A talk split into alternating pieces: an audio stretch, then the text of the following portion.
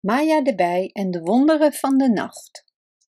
In de zomer vloog de kleine Maya vol geluk rond en beleefde volop avonturen. Toch miste ze de andere bijen en het koninkrijk. Ze verlangde naar nuttig werk. Bijen zijn nu eenmaal rusteloos. Maar de kleine Maya was er ook nog niet aan toe om voor altijd in het bijenkoninkrijk te leven.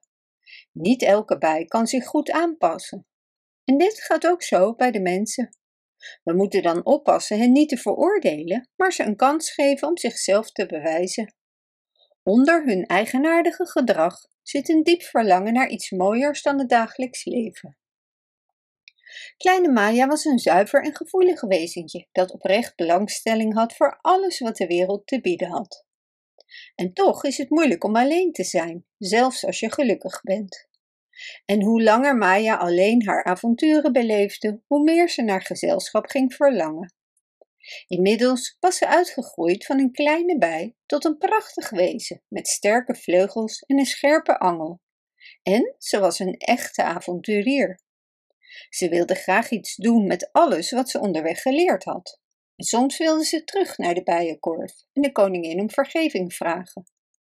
Maar haar grote verlangen om de mens te leren kennen was groter. Volgens haar was niemand intelligenter of machtiger dan de mens. Op een dag zag ze een slapend meisje tussen de bloesems. Maya staarde vol verbazing naar haar en vond haar erg lief. En ze vergat onmiddellijk alle afschuwelijke dingen die ze over de mensen had gehoord. Na een tijdje kwam er een mug voorbij die groette.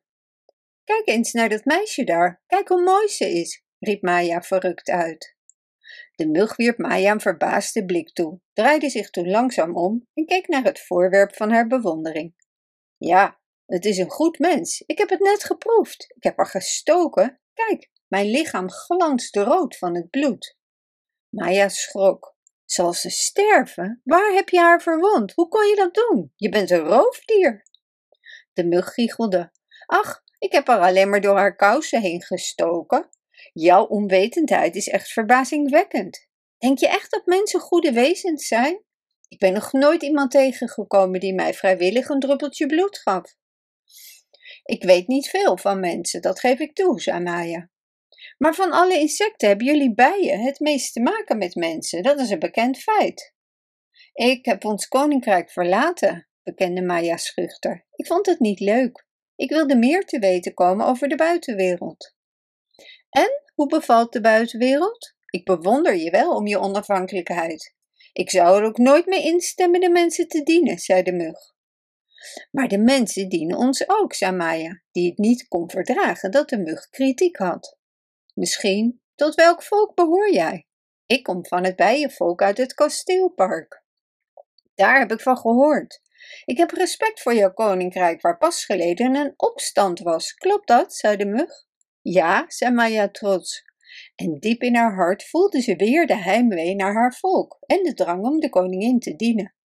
Ze stelde de mug verder geen vragen meer over de mens. Ze vond de mug maar een brutale juffrouw. Ik ga nog een lekker slokje halen, riep de mug terwijl ze wegvloog. En Maya ging er snel vandoor. Ze kon het niet verdragen om te zien hoe de mug het slapende meisje pijn deed.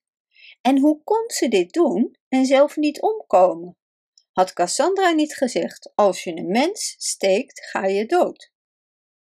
Ondanks deze gebeurtenis was haar verlangen om de mens goed te leren kennen niet gestild. Ze nam zich voor om moediger te zijn en nooit te stoppen totdat ze haar doel had bereikt. Haar verlangen om de mens te leren kennen zou uitkomen op een mooiere manier dan ze ooit had kunnen dromen. Op een warme avond was ze vroeg gaan slapen en werd plotseling midden in de nacht wakker. Toen ze haar ogen opendeed, zag ze dat haar slaapkamer een stille blauwachtige glans had. De glans kwam door de ingang en het leek net een zilverblauw gordijn. Eerst durfde Maya niet te kijken, maar samen met het licht kwam er een heerlijke rust en er klonk een harmonieus geluid. Ze keek naar buiten en de hele wereld leek in de ban van een betovering. De bomen en het gras waren bedekt met een zilveren sluier en alles was gehuld in deze zachte blauwe glans. Dit moet de nacht zijn, fluisterde Maya en ze vouwde haar vleugels. Hoog in de hemel hing een zilveren schijf waaruit een prachtige glans de wereld instroomde. En verder zag Maya talloze kleine lichtjes in de hemel. En alles was zo stil en mooi. Ze zag de nacht met de maan en de sterren. Ze had er wel van gehoord, maar het nog nooit gezien. Toen hoorde ze het geluid dat haar gewekt had weer, een fijn getjilp. En ze kon niet langer in haar kamer blijven en vloog de prachtige nacht in. Net toen ze verder wilde vliegen in de zilveren nacht, zag Maya een gevleugeld wezen op een beukenblad neerstrijken. Het hief zijn hoofd en vleugels naar de maan, en daar klonk het zilverachtige getjilp dat Maya al eerder die nacht had gehoord. Wat prachtig, het klinkt hemels, fluisterde Maya. Ze vloog naar het blad, maar toen ze het blad aanraakte, stopte het getjilp. Er volgde een diepe stilte die bijna griezelig was.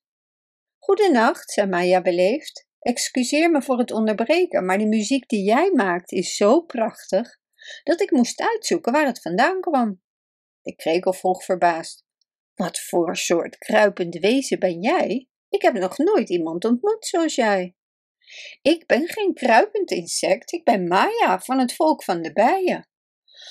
Oh, van het volk van de bijen. Jullie leven bij de dag, nietwaar? Ik heb van je ras gehoord, van de egel. Hij vertelde me dat hij s'avonds de dode bijen opeet die uit de korf worden gegooid. Ja, zei Maya enigszins angstig. Ik heb ook gehoord over de egel. Hij komt tevoorschijn als de schemering valt en eet dode insecten. Maar ben jij bevriend met dat beest? Hij is vreselijk ruw. Wij boomkrekels kunnen het prima met hem vinden. Natuurlijk probeert hij ons te vangen, maar dat lukt nooit. Wij plagen hem altijd met veel plezier. Dus je bent een boomkrekel, zei Maya. Ja, een besneeuwde boomkrekel. Maar nu heb ik geen tijd meer om te praten. Ik moet echt muziek maken. Het is volle maan. Prachtige nacht. De midzomernacht is de mooiste nacht van het jaar, zei de krekel. Meer kan ik je niet vertellen. Luister maar naar mijn muziek, dan zul je het horen. En de krekel begon weer te chilpen. De kleine bij zat stil in de blauwe zomernacht te luisteren en dacht diep na over het leven. En toen viel er een stilte. Er klonk nog even een zacht gezoem en Maya zag de krekel het maanlicht invliegen. De nacht maakt een bij ook verdrietig, dacht ze, dus ze vloog snel naar haar geliefde bloemenweide. Onderweg zag ze prachtige irissen langs de beek die glansde in het maanlicht. Ze daalde neer op een van de blauwe bloembladeren. Waar stroomt al dat water van de beek naartoe? vroeg ze zich af. Wat weet ik nog weinig van de wereld? Plotseling steeg er een fijn stemmetje op uit de bloem naast haar. Het klonk als een helder belletje en was anders dan alle andere geluiden die Maya kende. Wat zou dit nu weer zijn? dacht de kleine bij. En toen kwam er een klein wezentje uit de bloem tevoorschijn met een lichtgevend lijfje, gekleed in een wit gewaad.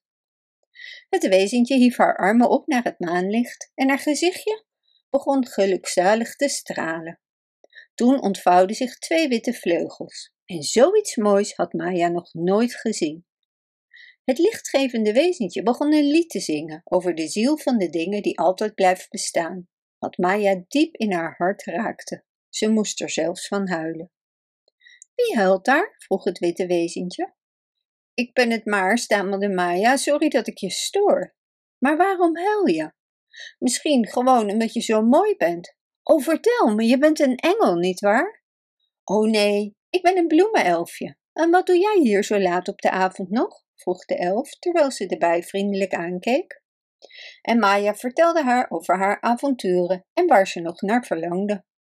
Toen ze klaar was, streelde het elfje haar hoofd en keek haar warm en liefdevol aan. Wij bloemenelfen, legde ze uit, leven zeven nachten. Maar we moeten in de bloem blijven waarin we geboren zijn, anders sterven we bij zonsopgang. Schiet dan op, schiet op, vlieg terug in je bloem, riep Maya verschrikt. Het elfje schudde droevig haar hoofd en zei: Het is al te laat. Maar de meeste bloemenelfen zijn blij hun bloem te verlaten, omdat er een groot geluk is verbonden met ons vertrek. Voordat we sterven kunnen wij namelijk de liefste wens vervullen van het eerste wezen dat we ontmoeten. Dus we maken iemand heel blij. Wat geweldig, dan zou ik de bloem ook verlaten. Het kwam niet bij Maya op dat zij het eerste wezen was dat de elf nu ontmoette. En ga je daarna dan dood? vroeg de bui. De elf knikte. Wij leven tot de dageraad en daarna worden we meegesleurd in de ragfijne sluiers die boven het gras en de bloemen zweven. Het lijkt alsof uit deze sluiers een wit licht schijnt en dat zijn de bloemenelfen. Als het dag wordt veranderen we in dauwdruppels. De planten drinken ons en we worden deel van hun groei en bloei, totdat we na een tijdje weer als bloemenelf uit de bloembladeren komen. Dus ooit was je een andere bloemenelf? vroeg Maya vol belangstelling. Dat klopt, maar ik ben mijn vroegere bestaan vergeten. Wij vergeten alles in onze bloemenslaap. Oh, wat een mooi lot! Zo gaat het eigenlijk met alle aardse wezens, zei de elf. Oh, ik ben nu zo gelukkig, riep Maya. Heb je dan geen wens? vroeg de elf. Ik bezit de kracht om je liefste wens in vervulling te laten gaan. Ik? Ik ben maar een bij? Nee, dat is veel te groot. Dat verdien ik niet, dat je zo goed voor me bent. Niemand verdient het goede en het mooie. Het goede en het mooie komt naar ons toe als de zonneschijn, zei de elf. En Maya's hartje ging tekeer. Oh, natuurlijk, ze had wel een wens, maar ze durfde het niet te zeggen. De elf leek het te raden en glimlachte wijs. Ik zou mensen graag op hun best en mooist willen leren kennen, zei de kleine bui verlegen. De elf richtte zich op en keek haar met ogen vol vertrouwen aan. Ze pakte Maya's hand en zei: Kom, we vliegen samen. Jouw wens zal uitkomen. Bedankt voor het luisteren. Wist je dat je dit verhaal ook op onze website ririro.com/nl kunt lezen, downloaden en printen?